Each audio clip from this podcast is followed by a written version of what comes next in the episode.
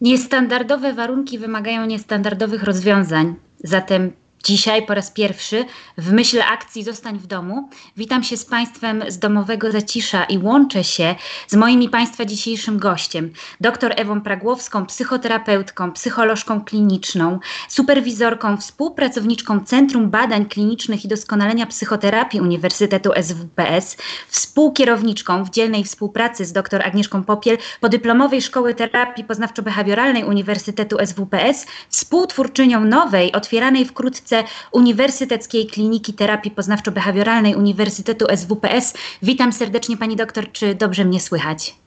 Ja również witam Panią i witam wszystkich Państwa, którzy zdecydowali się być z nami. E, obecnie mamy na czacie rekordową ilość osób i chciałabym bardzo Państwu serdecznie e, podziękować za tę obecność. E, myślę, że to ważne, że spotykamy się tutaj w tej wirtualnej przestrzeni wszyscy razem. Widzę, że witacie się Państwo z różnych miast, jest z nami cała Polska i nie tylko, zatem to bardzo ważne. A ten webinar poświęcamy lękowi w bardzo specyficznych warunkach, które zapanowały. Ja już miałam przyjemność rozmawiać z Panią doktor E, podczas poprzedniego webinaru Strefy Psyche e, i rozmawiałyśmy o lęku.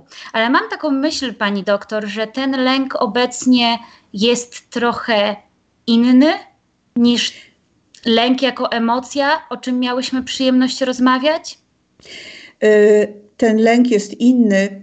I mm, chciałabym podkreślić, że mówimy o sytuacji poważnej, I celem naszego spotkania jest, żeby nie towarzyszył jej zbyt duży lęk, ale żeby zrobić pewien rodzaj wprowadzenia, jeśli e, Państwo pozwolą, to chciałabym, żeby osoby, które nam towarzyszą, przez kilka sekund wyobraziły sobie, że nagle zniknęłyśmy z panią Joanną, żeby pojawić się znów i powiedzieć, że mamy dla Państwa pewną wiadomość. Ona jest na 100% prawdziwa.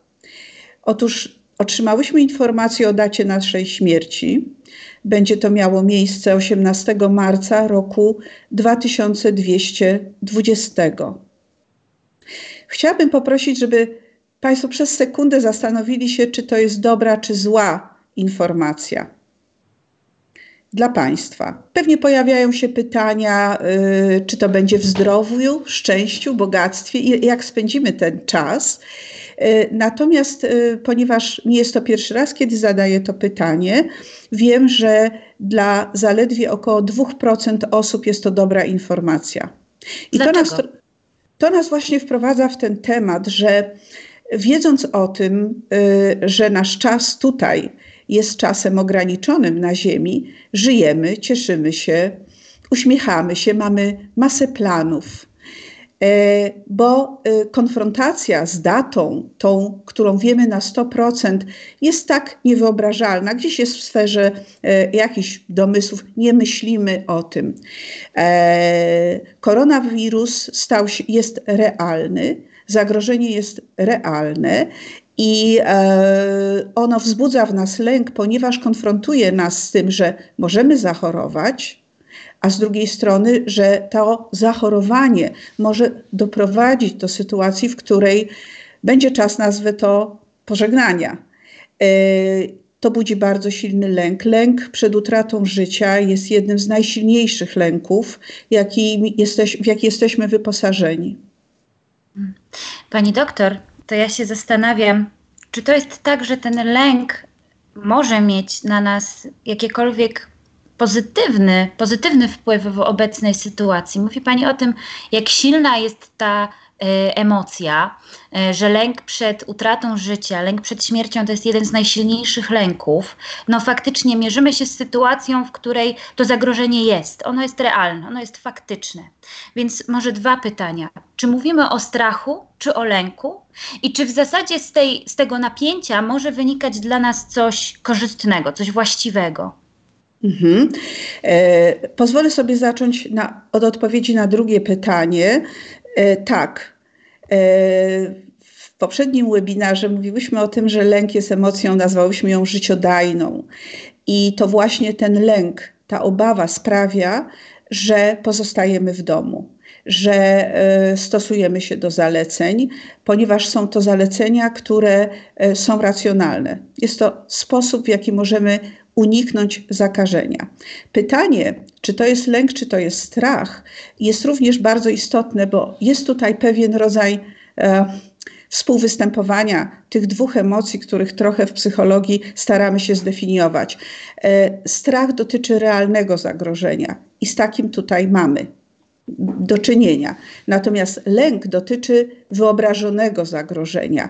I również tutaj mamy do czynienia z taką sytuacją, ponieważ jeżeli stosujemy się do, e, do zaleceń, do, e, do tego, aby pozostawać w domu, to możemy powiedzieć, że ten lęk nie powinien występować, ale on i tak występuje. Wielkość jego zależy również od tego, jak bardzo spostrzegamy, że jesteśmy narażeni na to niebezpieczeństwo. Czyli odpowiadając na pytanie, pani, chciałabym powiedzieć, że dobrze, że odczuwamy lęk, ponieważ on sprawia, że podejmujemy działania, oczywiście najlepiej te racjonalne i wybieramy, które zwiększają prawdopodobieństwo tego, że będziemy zdrowi. Mhm. Ja tylko dodam, proszę Państwa, cieszymy się i jest naprawdę ogromna ilość, ale przypominam Państwu, że już e, od teraz po prawej stronie ekranu znajdziecie Państwo okienko czatu, w którym możecie zadawać pytania skierowane do naszej ekspertki. My się postaramy odpowiedzieć na jak największą e, ilość e, z tych pytań. Jeden z naszych słuchaczy, Adam, dzieli się taką myślą, że on się nie boi śmierci, on się bardziej boi chaosu i końca tego, co było dotychczas. To również w sferze strachu czy już lęku? Mhm. E, raczej w strefie, w, w, obszarze lęku, ponieważ e, my bardzo lubimy mieć kontrolę w życiu. Bardzo lubimy wiedzieć, robimy plany na jutro, my robimy plany, co będziemy robić za rok. I to jest ta siła, która sprawia, że jesteśmy kreatywni. Ale na pytanie, skąd wiemy i czy na pewno będzie tak, jak my planujemy, E, doświadczenie życiowe uczy, że wcale tak być nie musi. I czy będzie chaos? Ja myślę, że myśmy przeżyli kilka wydarzeń, które, mm, które były takim stanem e, zmiany funkcjonowania dużej grupy społecznej, państwa, państw. Ja myślę o wojnach, Myślę nie tylko o epidemiach, które przeszły przez Europę, myślę o sytuacjach takich bliższych naszej społeczności, jak nagły stan wojenny wprowadzony nagle, e, również e, katastrofa smoleńska e, czy Czernobyl były takimi wydarzeniami, które miały wpływ które uruchamiały emocje nie tylko pojedynczych osób, ale wpływały na życie większej grupy. Czy po tych wydarzeniach był chaos? No ja patrząc na e, e, dookoła, widzę, że przede wszystkim stara się osoby, decydenci, osoby, które odpowiadają za nasze bezpieczeństwo, podejmują decyzje, żeby zmniejszyć ten chaos. To jest jedno. I drugie, że mamy naturalną potrzebę przywracania ładu, pewnej homeostazy, która zostaje zakłócona. Ja wierzę, że to wydarzenie przejście epidemii koronawirusa coś zmieni. My nie wiemy co. Chciałabym wierzyć, że zmieni na coś lepszego, ale nie wiemy, jak to będzie. Nie musi być chaos lawina pytań właśnie nas zalewa na czacie, ale pojawiają się głosy, że to nie tylko lęk, że osoby deklarują, że odczuwają złość na obecną e, sytuację, na to, że nie wszyscy poważnie podchodzą do e, zagadnień kwarantanny domowej. Pojawia się smutek, pojawia się smutek e, związany z tym, że pewne ograniczenia zostały wprowadzone w moje życie i mam osobiste poczucie straty. Jak, ale też pojawiają się takie pytania o to, to jak ja mam się nie stresować w mhm. obecnym czasie. Ja się zastanawiam, po pierwsze, czy to możliwe i czy na pewno byłaby to dobra strategia, aby próbo próbować wszystkie te emocje ominąć. Mhm. E, trudno sobie mi jest wyobrazić, żeby reakcją e, na informację, że jesteśmy w sytuacji zagrożenia, e, była radość, bo to też jest emocja, czy to taki no, całkowite odprężenie, nic się nie dzieje.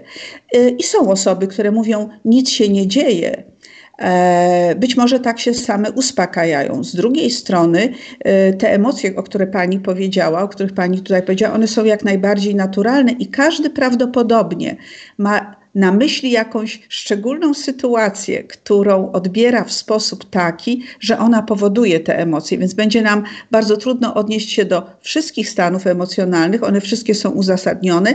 Niemniej, e, jedna z osób powiedziała o złości, którą odczuwa wobec innych, nie stosujących się do tych zakazów. Ona jest również uzasadniona, ponieważ mm, kiedy podejmujemy decyzję, żeby zostać w domu, to podejmujemy ją nie tylko dla siebie, ale podejmujemy ją również dla innych osób. To jest dosyć ważne, żebyśmy widzieli tą sytuację w całym kontekście i e, nie myśleli tylko o sobie i najbliższej rodzinie, ale myśleli w szerszym kontekście. E, złość w takiej sytuacji jest sygnałem, że ktoś narusza bardzo ważne dla mnie zasady, wartości, coś, co jest dla mnie ważne i mam prawo do tego, żeby uważać to za ważne. Smutek, no prawdopodobnie wiąże, on się łączy z utratą. E, nasze życie zostało zmienione. Niektórzy mówią: Jestem w więzieniu, zostałem zamknięty w czterech ścianach. No, warto sobie też zadać pytanie, czy to jest więzienie, czy to jest wybór nasz, aby zostać w domu. E, kiedy myślimy, że jednak dokonuje wyboru, e, myślę, że takich różnych złych emocji jest, jest trochę Mhm. Pojawia się wiele różnych e, głosów e, na temat tego, jak powinien teraz trochę ten nasz świat wyglądać. To znaczy, te głosy, które nam wskazują, e, co powinniśmy robić, są dość jednogłośne. To znaczy, pozostać w domu, unikać dużych skupisk ludzi, stosować się do zaleceń. Natomiast głosy, które mówią nam, co powinniśmy czuć, no to już taki wielogłos, niemalże chór, który no, część osób mówi nie panikuj, część osób mówi zaraz może wydarzyć się coś strasznego i musimy uważać. Niektóre głosy są jeszcze zupełnie, no już dążą jasno w kierunku katastrofy. Jak w tym całym chaosie głosów odnaleźć to, co ja myślę, co ja czuję, a jeżeli diagnozuję to jako wysoki poziom lęku, to co mogę z tym zrobić? Mhm. E, to jest e, bardzo ważne pytanie takie kierowane trochę do osób, które towarzyszą, czy są z osobami, a mamy więcej teraz szansy, bo jesteśmy e, w mniejszych grupach razem, do osób, które obserwują, że ktoś odczuwa lęk. Powiedzenie nie bój się metodą uspokajającą jest bardzo rzadko. Ona działa, jest takim chwilowym, chwilowym sposobem złagodzenia stanu wzbudzenia. Lepiej zapytać jest się, co cię przeraża, co mogę zrobić, żebyś bała się mniej. Ale ten dialog również możemy przeprowadzić samym sobą. Czego się boję?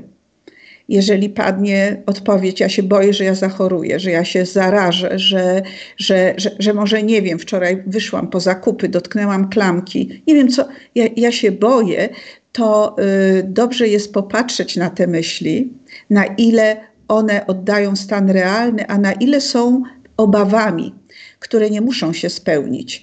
I yy, no, w sposób taki dosyć, bym może powiem, stereotypowy, będę powracała do tego, że mm, przepisem na to, żeby zmniejszyć e, szanse zakażenia, a co za tym idzie, e, odczuwać mniejszy lęk, że się zakaże, skoro nie podejmuje zachowania, które do tego e, prowadzi, no jest taką najbezpieczniejszą tutaj formą mhm. ochrony. Wierzę, że gdybyśmy zastanowili się trzy miesiące, cofnęli się myślą trzy miesiące, cztery miesiące wstecz i zastanowili się, co wówczas nas martwiło, to znaczy czego się obawialiśmy, to na tej liście byłoby szereg e, spraw mhm. E, bieżących. Praca, dom, różne zobowiązania i wyzwania zawodowe, które są e, przede mną, ale że niewielu z nas, albo nawet bardzo niewielu z nas pomyślałoby o tym, że będziemy w takiej kwarantannie domowej, że będzie, że świat spotka pandemia i tak naprawdę wszystkie te zmartwienia e, nie będą miały tak naprawdę dużego znaczenia i mocy oddziaływania. Ja się zastanawiam, pani doktor, jakie mechanizmy sprawiają, że my e, tak usilnie próbujemy przewidzieć to, co nas spotka i na ile my de facto jesteśmy w stanie to przewidywanie spełnić. Wielu z nas ma taką myśl, że jak ja już sobie poprzewiduję te różne najgorsze ewentualności, to mnie już nic nie zaskoczy. A jednak los pokazuje, że w dalszym ciągu ma pełną gamę różnych ofert, które wciąż nas zaskakują. Czy to faktycznie pozwala przywracać kontrolę i czy na długą metę jest bardziej szkodliwe, czy wspierające? E, jest to strategia wyznawana przez wiele osób, że jak sobie tak dobrze wszystko zaplanuję, uniknę rzeczy nieprzewidywalnych. Nieprzewi Jeżeli coś się wydarzy, będę przygotowany na wszelkie możliwe ewentualności. I to, co nas spotkało, yy, epidemia wirusa pokazało, że tego nie przewidywaliśmy. To się stało, to jest fakt. To jedno. Dwa, że mm, ta potrzeba kontroli jest bardzo iluzoryczna. My nie mamy wpływu na wszystko i to jest dobra i zła wiadomość, dlatego że y, z jednej strony planowanie w jakiejś perspektywie dnia, tygodnia, całego życia jest wskazane, ale z drugiej strony wiedza o tym, że wystąpią różne rzeczy, które mogą stanąć na przeszkodzie tego i nie podlegają naszemu wpływowi, jest też cenną wiedzą. My w psychologii mówimy o takim zjawisku tolerancji niepewności i są osoby, które tolerują bardzo dobrze tą niepewność, inne tolerują ją gorzej. E, te, które tolerują gorzej, zazwyczaj starają się włączyć te e, wszystkie sposoby kontrolowania, przewidzenia, napisania, co będzie, napisania scenariusza. E, życie pokazuje, i nawet były takie badania robione, że ludzie opisywali, co przewidują, że się stanie. I okazało się, że to, jak sobie zaplanowali, że będzie wyglądał kolejny ich dzień życia, spełnia się w niewielkim tylko procencie. Mhm.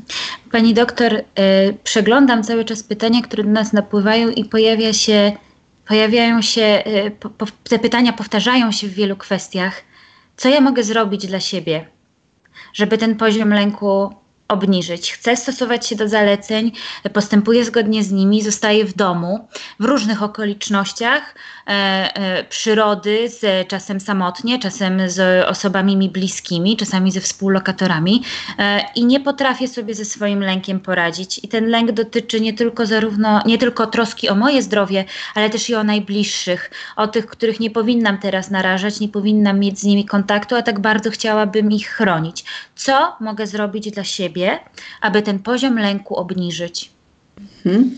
E, wiemy już, że dobrą, przede wszystkim zacznę od tego, że to, jak myślimy, wpływa na nasze emocje. Jeżeli e, w naszym myśleniu E, tym, jak tą sytuację spostrzegamy, jest dużo obaw, lęków, e, takich myśli, że stanie się coś złego, na pewno stanie się coś złego, mogę się zarazić, być może ktoś z moich bliskich może się zarazić, może stracić życie. Wtedy w sposób naturalny ten stan wzbudzenia narasta. I oczywiście ja nie chcę powiedzieć, że proszę tak nie myśleć, ponieważ wiem, że to nic nie da.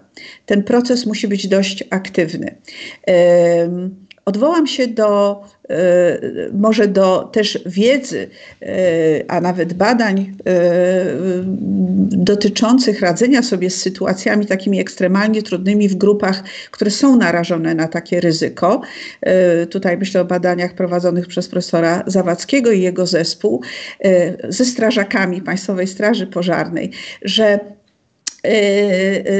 te osoby do, postępują w sytuacjach zagrożenia zgodnie z procedurami, e, właśnie między innymi po to, żeby emocje nie wpływały na ich działanie, ale z drugiej strony, żeby wiedza, co mam robić, nie generowała najmniejszego, większego lęku i żeby one działały precyzyjnie. Stąd wszystkie służby działają według procedur.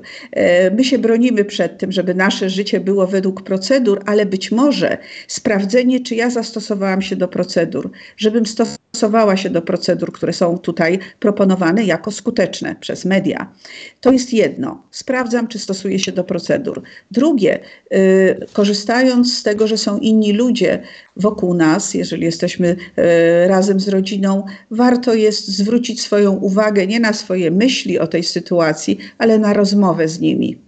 E, taka zmiana tego, co, o czym myślę, przeniesienie, alokacja uwagi, jak mówimy w psychologii, na, na to, co się dzieje między nami. Być może zróbmy coś razem. E, ja, ja słyszę, że niektóre osoby mówią, będę robić teraz generalne porządki, nagle mam czas. I okazuje się, że wcale aż tak efektywnie go nie spędzają. Pomijam, że też pracują. Czyli to jedno. I dwa, że jeżeli komuś bardzo to napięcie dokucza, to myślę, że tu odwołajmy się do mediów, e, środków, w których na przykład na YouTube możemy znaleźć metody e, relaksacji nagrane przez psychologów, czy metody, które poprowadzą e, trening uważności, tak żeby zmniejszać to napięcie, e, ćwicząc oddech, ćwicząc e, taką, o takie odprężenie, e, które, które towarzyszy, znaczy napięcie towarzyszy lękowi. Mhm. Ja y, sięgnę jeszcze do y, naszego ulubionego y, terapeuty poznawczo-behawioralnego profesora Roberta Lichy, który w tekście opublikowanym na Psychology Today e, wskazał, że warto zaobserwować swój lęk, warto różnicować powody, dla których się martwię, żeby odróżnić te, na które mam wpływ, od tych, wobec których nie mogę nic poradzić, oprócz tego, żeby zaakceptować, również zaakceptować brak kontroli jako stan, który no, jest częścią naszego ludzkiego życia, e, a no, ryzykiem życia jest śmierć i to również przychodzi nam z trudem zaakceptować, ale jest to rzecz, na którą aktywnie możemy pracować, e, że, e, żebyśmy poglądali na prawdopodobieństwo, a nie na możliwości zachorowania, no i że doktor Google wszechwiedzący nie zawsze wie najlepiej. Też to, o czym e, pani mówi, YouTube i inne media niosą wiele pozytywnych, mhm. takich wspólnotowych, społecznych kwestii, które nas jednoczą, ale również może być źródłem no, podsycania tego lęku przez wiele niepewnych źródeł źródeł informacji, ale taka technika e, myślę, że bardzo ciekawa i przydatna, to znaczy wyznaczenie czasu na zamartwianie. To mhm. znaczy, żebyśmy e, naszemu, naszym zmartwieniom wyznaczyli wizyty, takie jak wyznaczamy e, naszym e, pacjentom, że to jest 50 minut czasu, w którym prowadzimy terapię poznawczo-behawioralną, o tyle 30 minut sesji zamartwiania skomasowanej na jeden dzień, dajmy na to o 15.30, a nie rozwleczone na cały dzień, może de facto te zamartwienia, które pisali, spisaliśmy sobie na kartce mhm. rano, już się mogą okazać zdezaktualizowane na godzinę 15.30, czyli na ten czas, kiedy wyznaczyliśmy sobie, teraz mogę się zamartwiać. Proszę, z całego dnia wszystkie zamartwienia, czas start, a okazuje się, że część z nich jest już e, nieaktywna, nie martwi tak bardzo jak kiedyś. Czy przychodzą Pani do głowy jeszcze jakieś techniki, z którymi moglibyśmy popracować sobie osobiście w domu? E, do, to są techniki e, takie do zastosowania, kiedy pojawia się lęk. Dobrze jest to, co pani powiedziała, e, chwycić myśl, i myśli. To jest często kaskada myśli dotycząca tego, co się stanie. One się rozwijają jak kula śniegowa. I można tym myślom powiedzieć stop. Tak jak jest znak stop. Stop. Lepiej to działa niż jak ktoś nam mówi, przestań o tym myśleć. Wtedy często mówimy, ty mnie w ogóle nie rozumiesz powiedzenie stop, e, to prowadzi donikąd. E, skupię się na czym innym, skupię moje myśli na czymś innym. Na przykład, e, nie wiem, obejrzę album ze zdjęciami, albo dobrze, żeby to było coś, co wymaga aktywności poznawczej od nas.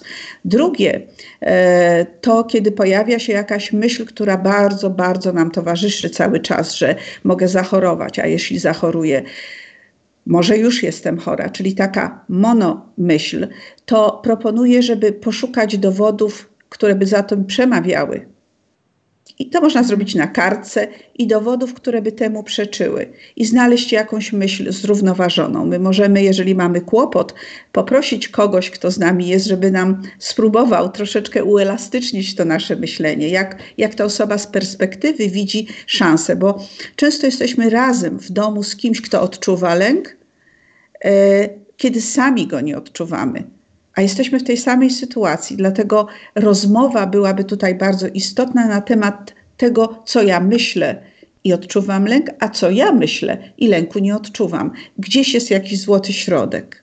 Mhm. Jeżeli stosujemy się do zasady e, izolacji, to ta szansa zarażenia jest bardzo niewielka, można powiedzieć, jest zerowa. No, zapytam o to, bo też mamy tutaj pytania, które dobijają się do nas. Są wśród nas osoby, które nie mają szansy na tę izolację. To znaczy, są to osoby, których też rolę chciałabym bardzo uważnić w obecnym czasie. E, dzisiaj miałam przyjemność spotkać listonosza, który przyniósł mi e, korespondencję. Podziękowałam mu za jego pracę i też chciałabym, żeby na siebie uważał mój serdeczny e, listonosz z Ursynowa, którego pozdrawiam. Ale no, mamy lekarzy, mamy sprzedawców mamy pielęgniarki, mamy osoby, które pracują e, w dostawach. One nie mają możliwości izolacji. Co z nimi? One nie mogą się wyizolować, nie mogą ograniczyć tych bodźców, które wciąż, na które wciąż są narażane. E, to prawda, i tu mówimy o takiej profilaktyce emocjonalnej, która będzie tych e, osób być może w przyszłości też, znaczy profilaktyce, to znaczy ochrony tych osób i działań, które no, dobrze by było podjąć, żeby to jakby y, nauczyć się radzić sobie z tymi emocjami na bieżąco. Z drugiej strony prawdopodobnie te osoby, y, ja też je obserwuję, jestem dla nich pełna podziwu i to jest duży dla nich moment, żeby też podziękować, że one muszą mieć jakąś myśl, która sprawia, że ten lęk jest przez nie inaczej odczuwany, bo nie mówię, że nie odczuwają inaczej. Na przykład listonosze wiedzą, że w Polsce jest bardzo wiele starszych osób, którym jeżeli nie doniosą emerytury w sposób tradycyjny, to one nie mają szansy e, funkcjonować. E, służby specjalne, które są specjalnie również przygotowane do takiego niesienia pomocy w sytuacji, w której narażają też własne życie, no dla nich są e, inne działania, które, które są podejmowane jeszcze przed wkroczeniem do takich bardzo y, trudnych sytuacji, ale te osoby y, starają się, niektóre mówią, no jak nie przyjdę do sklepu, to kto, kto będzie sprzedawał bułki. I to jest znów moment, w którym chciałam zwrócić uwagę, że my naturalnie skupiamy się na sobie, na swoim lęku, ale to nie jest tylko ochrona przed wirusem nie jest tylko naszą sprawą. Ja wiem, że mówię truizm, ale kiedy wchodzimy do sklepu, kiedy e, podejmujemy jakieś działania przy portalu, na którym wy, wy, wybijamy PIN, kiedy e, rozmawiamy z kimś, stosujmy się do tych zaleceń, bo to jest też sposób, w jaki możemy zmniejszyć lęk drugiej osoby. Mhm. Odzywają się osoby, które są pracownikami e, służby zdrowia, lekarzami, lekarkami, diagnostami, e, albo osoby im bliskie, które nawet jeżeli one stosują się do zaleceń, to i tak e, no, spotykają się w domu z osobami, które są na tym pierwszym, na tym czole tego frontu walki z wirusem. Jak możemy wesprzeć te osoby w takich sytuacjach oraz jak radzić sobie z naszym osobistym lękiem o, nas, o naszych najbliższych. Bo w obecnych czasach dominuje nie tylko lęk o to, co nam się może stać, że my możemy się zarazić i mogą być tego konsekwencje, ale również o to, co może stać się naszym najbliższym. Hmm. Znów ten lęk o, na, o najbliższych e, jest bardzo ważny bo on sprawia, że być może kiedy wchodzi do domu mąż, który właśnie wraca ze szpitala nie biegniemy, żeby go przytulić i powiedzieć, że wiem, jak ci trudno, a mnie jest bardzo trudno, bo się o ciebie martwię, ale to właśnie ten lęk również przed tym wirusem sprawi, że zatrzymamy się o półtora metru, metra od niego po to, żeby mógł e, spokojnie zmienić odzież, umyć ręce. Że mm, to jest taki sposób, w jaki e, możemy wpływać tutaj na zmniejszenie e, lęku przed zarażeniem, ale na pewno też podkreślanie tego, że wiemy, jak jest im bardzo trudno. Mm, czasem jesteśmy skłonni w takich sytuacjach mówić: Przez ciebie mam tyle lęku, tyle obaw, ja się o ciebie przecież martwię, rzuć to, przecież możesz. Ale nie zawsze jest to rozwiązanie dla osoby, której to proponujemy. Mamy wszyscy jakąś, ja chcę w to wierzyć, małą misję do spełnienia i osoby, które zdecydowały się wykonywać zawód lekarza, pielęgniarki, pani salowej, e, listonosza, ekspedientów i wielu, wielu innych, których tutaj nie wymienię, e, wzięły pod uwagę to ryzyko i prawdopodobnie stosując się do procedur, mają poczucie kontroli i wpływu takiego, jakiego one oceniają, jak one oceniają, że on jest racjonalny i wystarczający, ale dobrze, żebyśmy my pomogli im w tym. To znaczy, y, nasze obawy i lęk są miarą ważności tych osób dla nas, i można to tak również przeformułować. i mm, pomoc w tym, że oni wracają i mają swoje lęki w takim uważnieniu tego, co oni robią, zapytaniu, czy czegoś by potrzebowali, żeby odpocząć trochę. E, ja, ja, słyszę, że ta izolacja sprawia, że czasem bliscy myślą, że muszą być ciągle razem.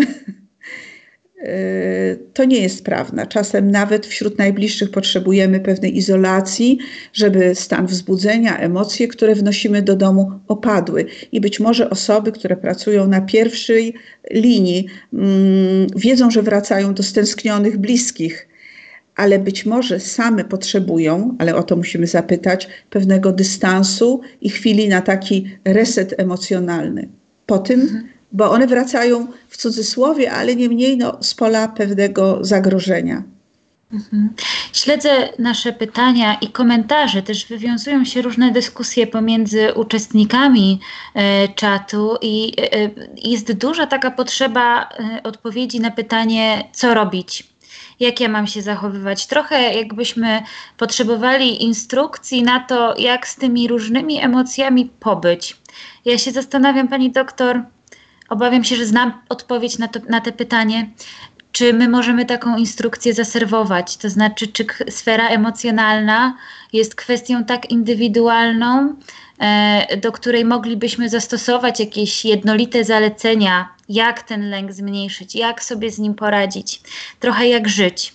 Wydaje mhm. mi się, że nie, ale też pojawia się taka myśl o tym, żeby ten lęk ominąć, udać, że go nie ma, e, mhm. nie przynosić go do domu. Czy to jest korzystne? Czy to do nas wróci? Przypominają mi się słowa Wiesława Dymnego: Nic w przyrodzie nie ginie, nie miałoby się bowiem gdzie podziać. I ja się zastanawiam, czy to tak też jest z tymi emocjami. E, emocje, my przychodzimy na świat z emocjami i one są po coś. E, unikanie emocji, proszę sobie wyobrazić, że nagle przestajemy czuć jakiekolwiek emocje, że to działa tak zero-jedynkowo, że możemy wyłączyć w ogóle odczuwanie emocji. To by była katastrofa. Nie tylko dla naszych bliskich, którzy by mieli obok kogoś, kto nie czuje, ale również dla nas samych, dlatego że e, te stany emocjonalne mm, są bardzo ważnym e, informatorem tego, co dzieje się w naszym otoczeniu i jak my odbieramy to otoczenie również. Dlatego, żeby pomóc możemy powiedzieć w taki sposób, że emocje przede wszystkim nie zabijają. One same w sobie nie są niezdrowe. One sprawiają nam kłopot wtedy, kiedy chcąc je zmienić, pozbyć się ich, podejmujemy zachowania, które temu nie służą. E, myślę tutaj o, no, przychodzi mi na myśl alkohol, e, jakieś nie, niezbyt zalecane leki, czy inne formy regulacji tych emocji, które nam nie służą. Czyli chciałabym powiedzieć, że to nie emocje są same w sobie szkodliwe, ale sposoby, w jakimi my regulujemy. I mm, ten czas, w którym znaleźliśmy się wszyscy, jest czasem, który wzbudza różne emocje. I jeżeli byśmy im poświęcili trochę czasu i e, z nimi pobyli, mhm. nie walczyli. Paradoksalnie one, mm, kiedy nie uruchamiamy sposobów zmniejszenia ich, czasem one po prostu przechodzą. Mijają. Czyli, że emocje zauważone tracą na mocy i poczute. I poczute.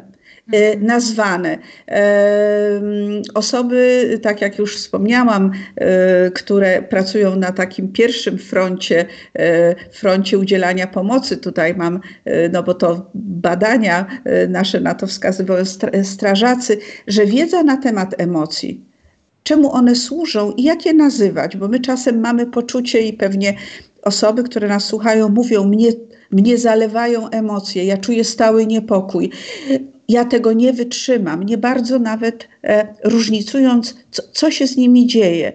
E, to jest stan wzbudzenia autonomicznego układu nerwowego. On czasem jest bardzo nieprzyjemny, to prawda, ale jego funkcja ma służyć nam, a nie jest przeciwko nam. I e, kiedy odczuwam stan wzbudzenia, podejmowanie wysiłków, żeby go z, zaklepać, zatupać, nie czuć, przyniesie efekt odwrotny warto go zaobserwować, czuję się wzbudzona, mam trochę mokre ręce, y, serce mi bije bardziej, e, chyba jest mi sucho w ustach. A co się dzieje w moich myślach? No w moich myślach mam myśl, że stanie się coś strasznego. Ale co to miałoby się stać? Co takiego miałoby się stać? I okazuje się, że czasem nie, nie znamy odpowiedzi, nie mamy odpowiedzi, i warto znów wrócić do tego, czy, czy robię wszystko to, co jest zalecane, żeby uniknąć zakażenia. Jeżeli zostaję w domu, jeżeli jestem w zdrowym, bezwirusowym środowisku, to jest to lęk taki, my mówimy, antycypacyjny. Ja przewiduję najgorsze, ale to jest tylko w mojej głowie. On nie puka do drzwi i mówi: Jestem, przyszedłem, mimo że nie byłem przez siebie zaproszony, jeżeli stosujemy się do procedur. Mhm. Bartek pyta o to, e, czy jest jakiś sposób, w którym moglibyśmy przekonać osoby starsze, nam bliskie i nie tylko, do tego, żeby zadbały o siebie, żeby potraktowały ten czas kwarantanny y, bardzo osobiście i wzięły do, do serca te swoje zalecenia. No, mamy tutaj też do czynienia z pewnymi przyzwyczajeniami, jak mhm. niedzielne wizyty w kościele, a jednak nasz poziom lęku dotyczący troski o te osoby rośnie. Czy my jako wnuczkowie, wnuczki, dzieci możemy zrobić coś, y, aby jakoś przekonać te osoby starsze? do mhm. pozostania w domu. E, pani ma e, zwróciła uwagę na ważną rzecz, żebyśmy jako społeczeństwo zostali trochę wyjęci z naszej rutyny. Niektórzy mówią, zabrali mi moją wolność. E, no nie, jest to działanie racjonalne. Dotyczy to osób starszych, które, mm, które układają swoje życie i świat często dlatego, żeby nie mieć tego wolnego czasu, żeby nie czuć również pustki, e, jaka je bywa, że otacza, a my mówimy przecież babcię kochamy, ale nie mamy za dużo dla niej czasu. To jest moment, w którym e, warto porozmawiać ze starszą osobą i e, tutaj E, czasem pomaga deklaracja, jak bardzo ta osoba jest ważna, bo osoby e, starsze również chcą być potrzebne i mówią: To ja kupię dodatkowy makaron i ryż, bo wy nie możecie na przykład wychodzić z domu, a ja się narażę, bo mnie już zostało niewiele czasu. To cytuję usłyszane fragmenty rozmów. Zwrócenie uwagi, że babciu, jesteś dla mnie najważniejsza, jesteś filarem naszej rodziny. Jeżeli będziesz się narażała i stracimy ten filar, to pomyśl, co z nami będzie. E, odwołanie się do tych wartości rodzinnych i wartości znaczenia osób starszych w naszej, w naszej rodzinie. Bo myślę, że osoby starsze często, ale to jest na inny temat, mówią o tym, że ich życie jest zamknięte. I na pytanie, dlaczego mówią, nie jestem nikomu potrzebna no, myślę, że rozmowa, w której zadeklarujemy, że, że te osoby są no, niezbędne w naszym życiu, że je kochamy, że nie mierzymy ich znaczenia tym, ile są w stanie dla nas zrobić. Mierzymy ich znaczenie dla nas tym, że, e, że nas kochają, a to jest bardzo ważne. Hmm. Mówimy o seniorach, a też część pytań dotyczy dzieci. Mhm. Dzieci wiedzą, że coś się dzieje. No nie można chodzić do szkoły. Jedna też z nauczycielek tutaj na naszym czacie pyta, jak ma, jak ma porozmawiać z uczniami, którzy teraz stracili szkołę, ale też kolegów, koleżanki, czas na przerwach. Jak my powinniśmy rozmawiać z osobami i z dziećmi, z, z młodymi ludźmi o tym, co się teraz dzieje i dlaczego m, mm, ważne jest, aby stosować się do zaleceń? Mhm. To jest bardzo też ważne na które pewnie trudno będzie odpowiedzieć takim jednym przepisem, ale e, zaobserwowałam taką scenkę, e, że e, mamy, która w sposób bardzo wyraźny nie radziła się z dosyć no, sympatycznym swoim synem i pomyślałam, że oni do tej pory spędzali być może ze sobą tylko parę godzin, że muszą się poznać na nowo, że mm, chłopcu być może brakuje kolegi, że ten czas, kiedy on był aktywny w przedszkolu i odbywały się tam bardzo ważne sprawy, został ograniczony mu. I y, mówimy o bardzo małych dzieciach, których myślę, że ta sytuacja konfrontuje rodziców z tym, że uczą się ich jeszcze raz że czasem my znamy nasze dzieci od godziny 16, kiedy są w przedszkolu, żłobku. I to rodzi pewne trudności, ale Y, z dzieckiem można, kiedy można rozmawiać, no pytanie, co byś chciał, żebyśmy zrobili. Oczywiście dzieci powiedzą, że pójść do przedszkola i już mają serdecznie dosyć bycia w domu. I tutaj no, wytłumaczenie, rozmowa. Mały człowiek to nie jest dziecko, to nie jest mały dorosły.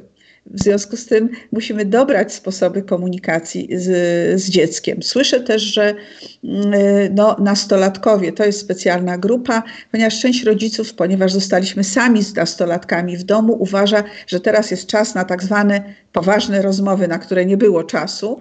I, a młoda osoba idzie do drugiego pokoju i zajęta jest czatowaniem e, ze swoimi znajomymi.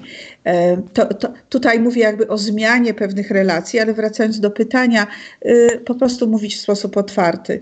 To, co możemy teraz zrobić, nawet jeżeli to pozbawia ciebie części życia, które do tej pory prowadziłaś czy miałaś, służy temu, żeby to życie w przyszłości było dalej dobre. To jest taki moment, to nie jest na zawsze. I szansa, żebyśmy doczekali tego, jak już wszystko będzie dobrze, polega na zastosowaniu się do procedur. Dosyć wracam do tego słowa, ale, ale tak naprawdę to jest to, co możemy zrobić. Mhm. Pani doktor, a ja pozwolę sobie na takie poniekąd osobiste pytanie. Czy pani się boi? Nie.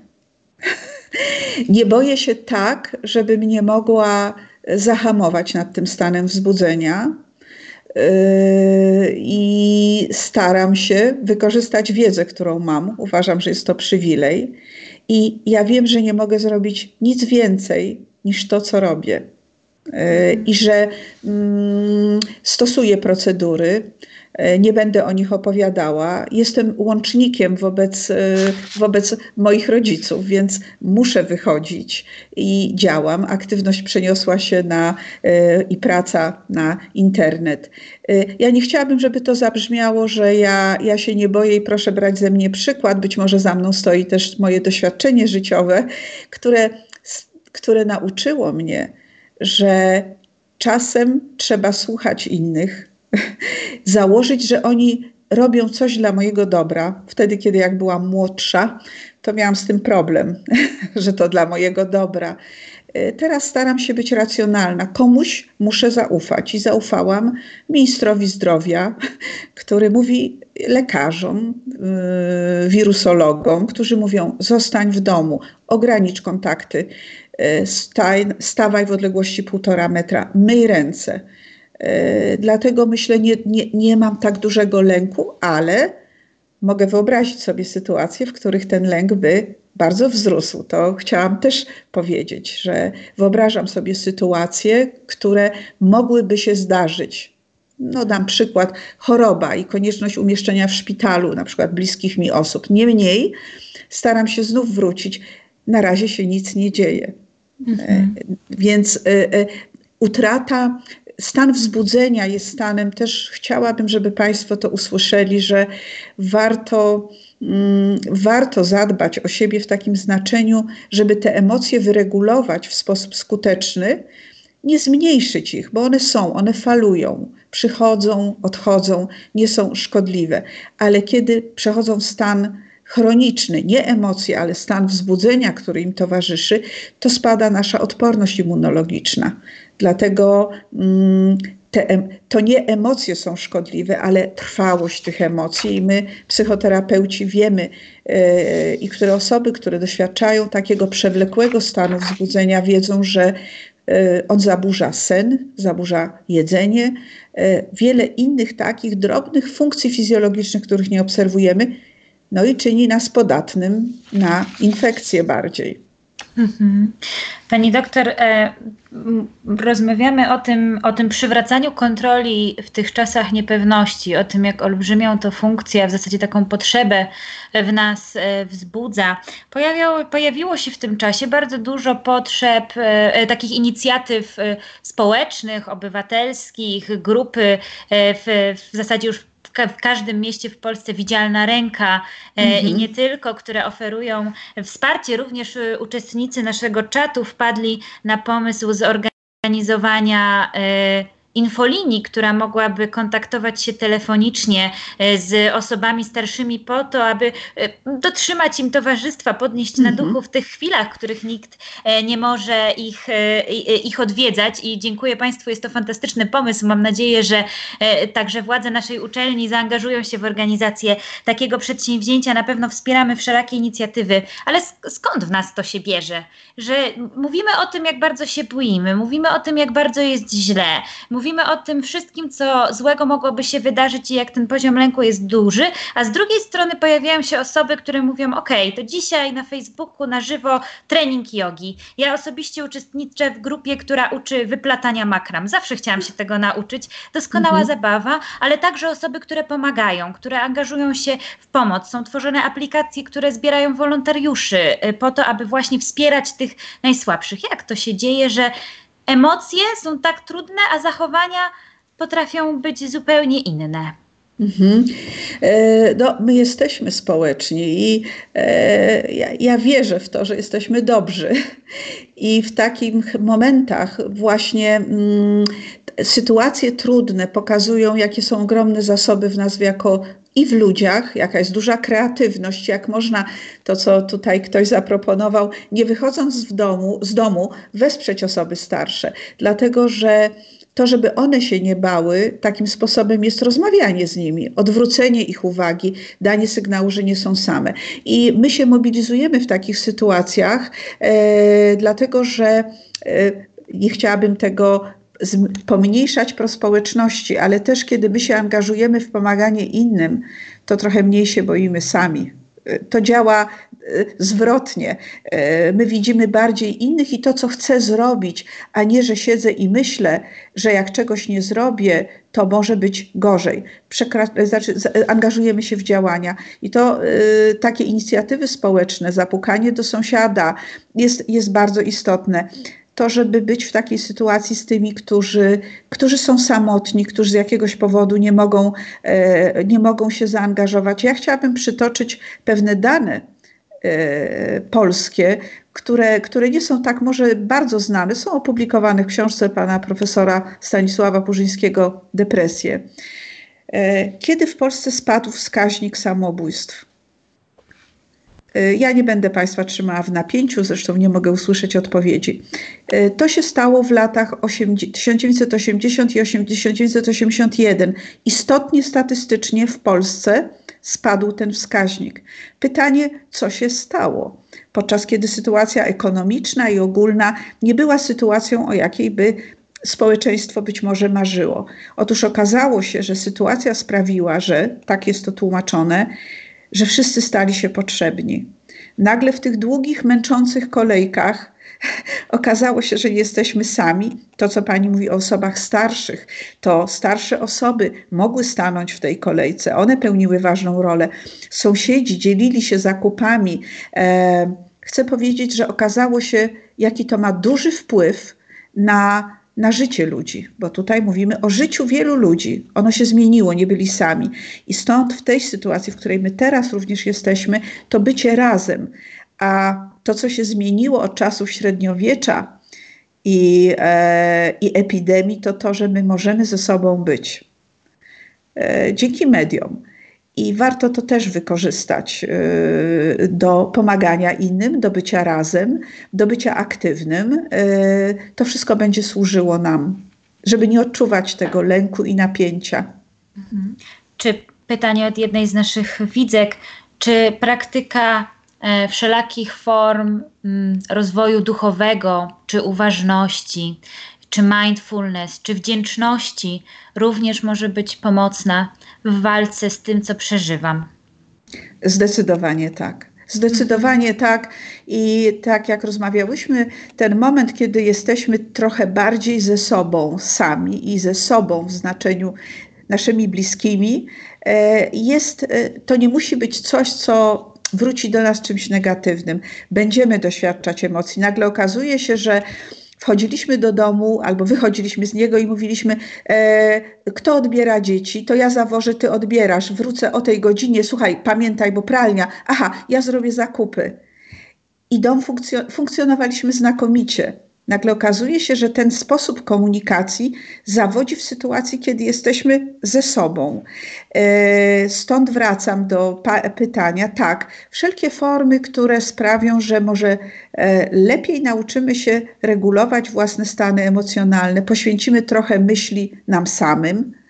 E, sądzę, nie będzie sprzyjało rozkwitowi egoizmu i egocentryzmu, a raczej zwróceniu uwagi też na innych, bo bardzo trudno jest pomagać, kiedy sami odczuwamy lęk. To jest bardzo trudne.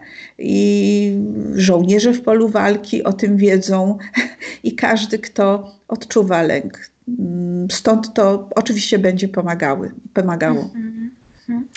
E, wiele osób, które już przed wybuchem e, e, pandemii koronawirusa zmagało się na przykład z lękowymi zaburzeniami, często okazało się, że nagle to wsparcie gdzieś zostało przerwane. Wiemy też, że psychologowie, terapeuci, specjaliści organizują się tak samo jak nauczyciele i dydaktycy w mhm. przestrzeni online.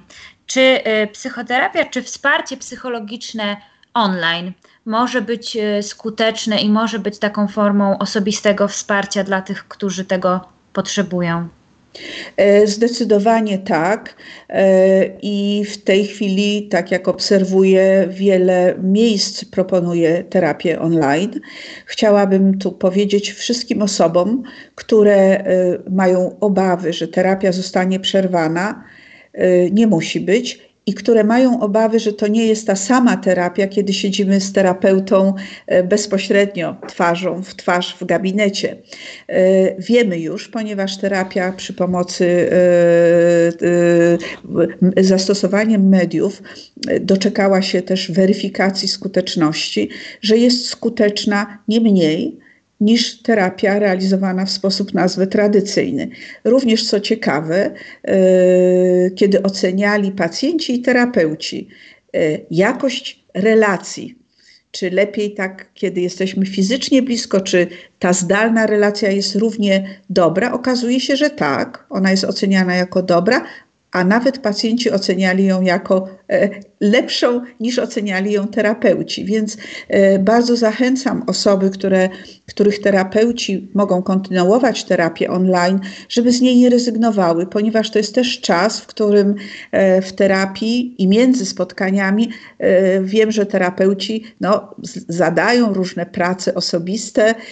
One mogą być wyko- wykonywane również w warunkach domowych i być może ten czas również wpłynie na intensyfikację działań terapeutycznych. Bardzo zachęcam do terapii online. Tak, faktycznie też to jest ważne, o czym wspomniała pani doktor, że wiele placówek y, otworzyło, udostępniło taką możliwość e, wsparcia online i telefoniczną, często bezpłatnie, na przykład dla osób, które są pracownikami i pracowniczkami e, służb medycznych. E, zachęcam Państwa do sprawdzania, poszukiwania na forach internetowych. Na pewno znajdziecie Państwo takie informacje, bo dzieje się to w całej Polsce. Również uczestniczę w takiej akcji z ramienia Poradni Dom Rozwoju, więc odsyłam Państwa do wszelkich informacji tam. Jedno pytanie, które się powtarza też e, już któryś raz na naszym forum. Czy obecna sytuacja może przekształcić się w stres posttraumatyczny? Wiem, że trafię do Pani serca pytaniem o PTSD, e, w związku z tym zapytuję. Mhm. E, my, którzy jesteśmy w domach, odczuwamy lęk, jesteśmy w sytuacji dyskomfortowej, mm, ale ta sytuacja, ona, ona jest zagrażająca naszemu życiu, w związku z tym spełnia kryterium e, pierwsze rozpoznania lub możliwości wystąpienia i rozwoju osoby, objawów PTSD. Natomiast e, no, my, którzy jesteśmy w domach i nie stykamy się bezpośrednio to jest ta cienka granica, bo my robimy wszystko, żeby nie stykać się bezpośrednio. Nie mo może być może zostawić jakieś konsekwencje u niektórych osób zwiększonej czujności, podatności na uwagę na zarazki, być może utrwalenia nawyków częstego mycia rąk, oby niezbyt częstego. Natomiast yy, myślę, że e, zaburzenie stresowe pourazowe może wystąpić u osób, które no, są w tych służbach na pierwszej linii frontu tych, które zetknęły się z osobami zarażonymi, które pomyślały o tym, że no, każdego dnia narażają własne życie. Więc będziemy traktować te osoby jako osoby, które są na linii e, takiego dużego zaangażowania i narażenia swojego życia, mimo że widzimy, jak przestrzegają zasad kombinezony, osłony, wszystkie środki ostrożności. Mhm.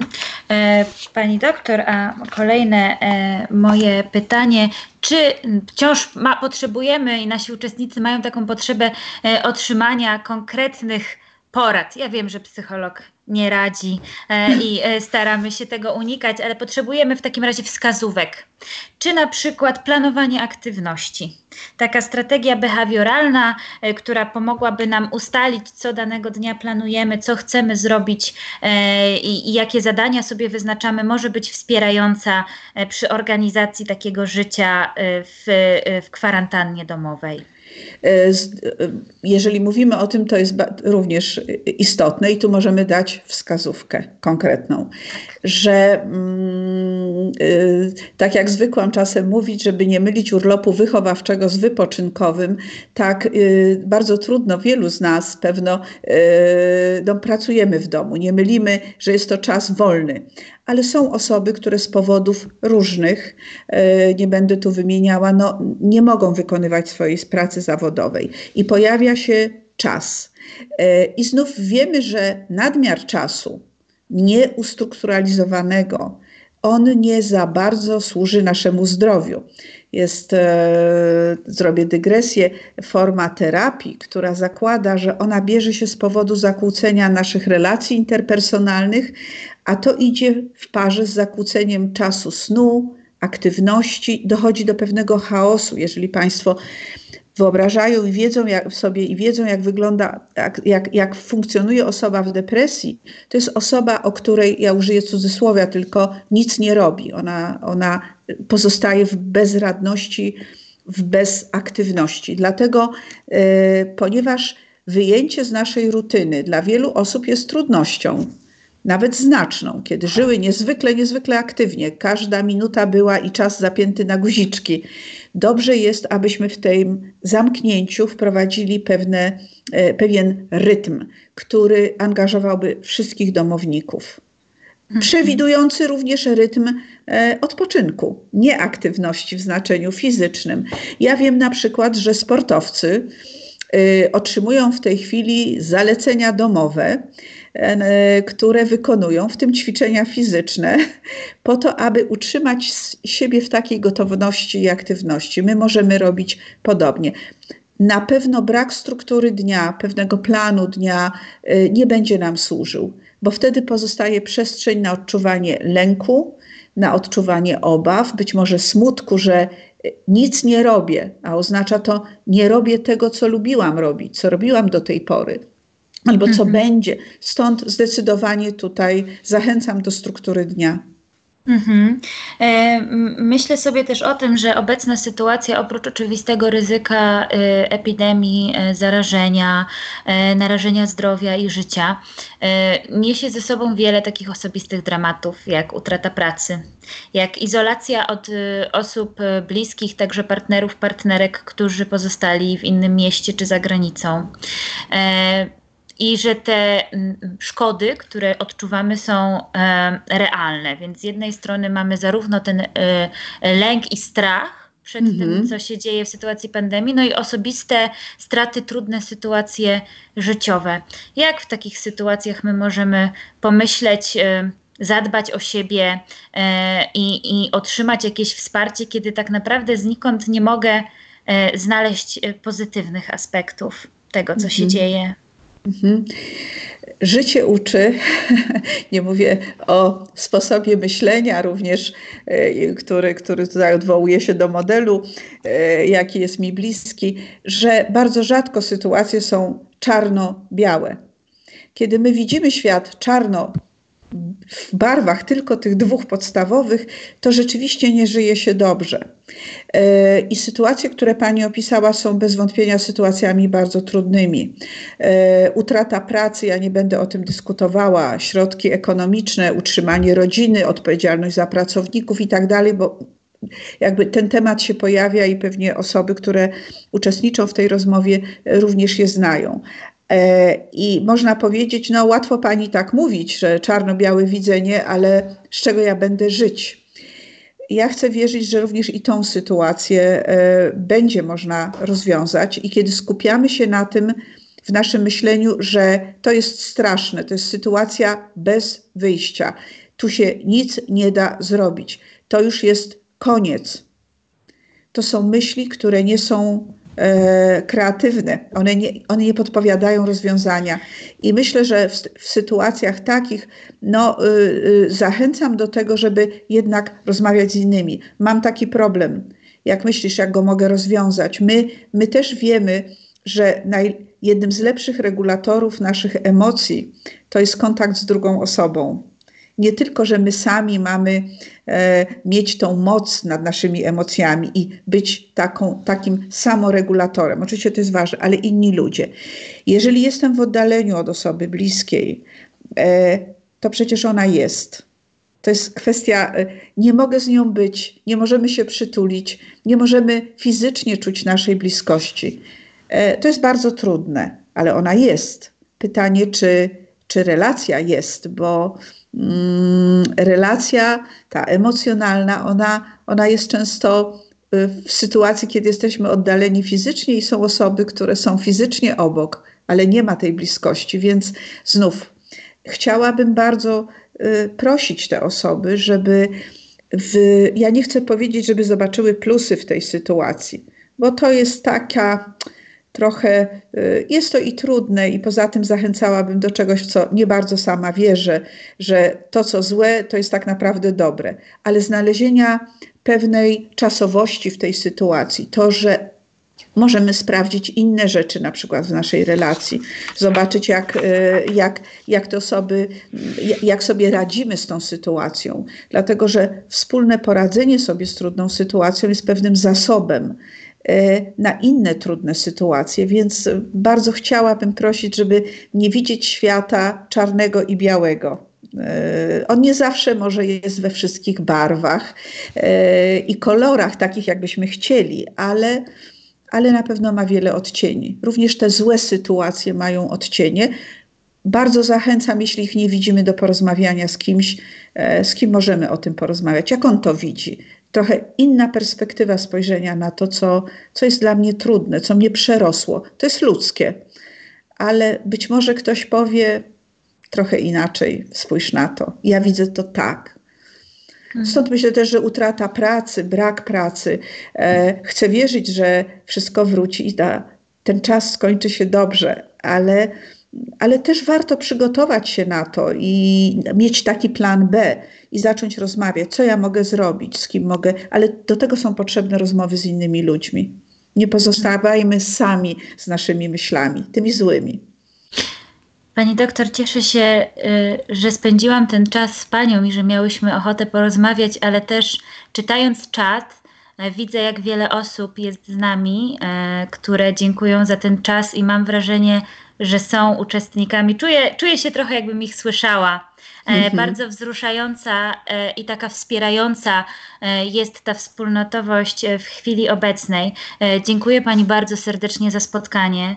Dziękuję za ten czas i za rozmowę, doświadczenie i wiedzę. Proszę na siebie uważać i przestrzegać zaleceń. Bardzo serdecznie proszę. Dziękuję również wszystkim Państwu za udział. Zaraz Pani doktor, ja wiem, poporządkuję i przekażę jeszcze Pani głos, żeby czule pożegnała się Pani z naszymi widzami. Ja chciałabym tylko dodać, proszę Państwa, bo pytacie, e, Strefa Psyche Uniwersytetu SWPS organizuje obecnie cykl webinarów i spotkań dotyczących różnych aspektów e, tego, z czym mierzymy się w tych nietypowych warunkach. Wszystkie informacje znajdziecie Państwo e, na Facebooku Uniwersytetu SWPS, również na stronie internetowej Strefy Psyche. Dzisiejszy webinar będzie oczywiście do odsłuchu, do podzielenia się z innymi osobami, być może z tymi, z którymi nie, które nie mogły być dzisiaj z nami na żywo, a będą chciały sięgnąć do tego spotkania. Dziękuję Państwu bardzo serdecznie. Pani doktor, oddaję Pani głos. E, bardzo dobrze pani mnie zna, pani Janno. Chciałam bardzo podziękować wszystkim osobom, które dołączyły. Być może wiele pytań zostało bez odpowiedzi, e, ale te, które padły w tej naszej wspólnej rozmowie i państwa pytania bardzo ważne, niech będą takim zaczątkiem rozmów, które będziemy prowadzić między sobą. Chciałabym e, zachęcić, żebyśmy nie byli sami bo nikt tak nie reguluje dobrze emocji jak bliskość, nawet wirtualna drugiej osoby. Wtedy będziemy mogli też pomyśleć o osobach, które są same, żeby same nie były, o czym też mówiliśmy. I jeśli mogę zakończyć y, cytatem e, z książki Markeza Miłość w czasach zarazy. Tam jest taki zwrot: Nie popędzaj czasu pozwól mu przyjść. I chciałabym, do, żebyśmy przeżyli ten czas, który jest teraz, niezbyt łatwy, trudny, budzący wiele emocji, niesiąc, który niesie również zagrożenia e, zdrowia. E, wiemy też, że i życia. Stosujmy się do tego, co zmniejsza lęk i e, to, co najważniejsze, myślę, że, że, że bądźmy razem i mam nadzieję, że ten czas minie i będziemy znowu żyć. Pytanie, czy tak jak do tej pory, czy może trochę inaczej? Ja chciałabym, żebyśmy się czegoś nauczyli z tego czasu, czegoś, czegoś dla nas i czegoś dobrego oczywiście. Także bardzo Pani Anno, Pani dziękuję również za rozmowę, moderowanie tego czatu. Bardzo dziękuję. Ja bardzo e, dziękuję raz jeszcze, proszę Państwa, dziękuję. Pięknie i poetycko Pani e, zakończyła. Ja jeszcze tylko chciałabym tak od nas wszystkich podziękować wszystkim, którzy nie mogą zostać w domu, którzy pracują w służbie zdrowia, lekarzom, lekarkom, pielęgniarzom, pielęgniarkom, diagnostom laboratoryjnym, e, ochronie e, zdrowia, ratownikom medycznym, e, sprzedawcom, listonoszom, wcześniej już wspomnianym, ale też naukowcom, którzy dzielnie pracują zarówno nad rozpracowaniem i leku, i szczepionki, jak i e, e, naukowcom, którzy starają się zająć o, e, zadbać o nasze zdrowie psychiczne. I myślę sobie, że to jest też taki moment, w którym warto wspomnieć o tym, że pod Pani współkierownictwem niebawem zostanie otwarta Uniwersytecka Klinika Terapii Poznawczo-Behawioralnej Uniwersytetu SWPS, w której której będzie przestrzeń na badania, na terapię mhm. i na dydaktykę. E, I w tym e, trudnym czasie e, warto mieć nadzieję i myśleć o tych, którzy pracują, pracują tak jak mogą, tak jak potrafią. Dziękujmy sobie bardzo za to, bądźmy wdzięczni. Raz jeszcze dziękuję. Do zobaczenia i do usłyszenia. Bardzo dziękuję również.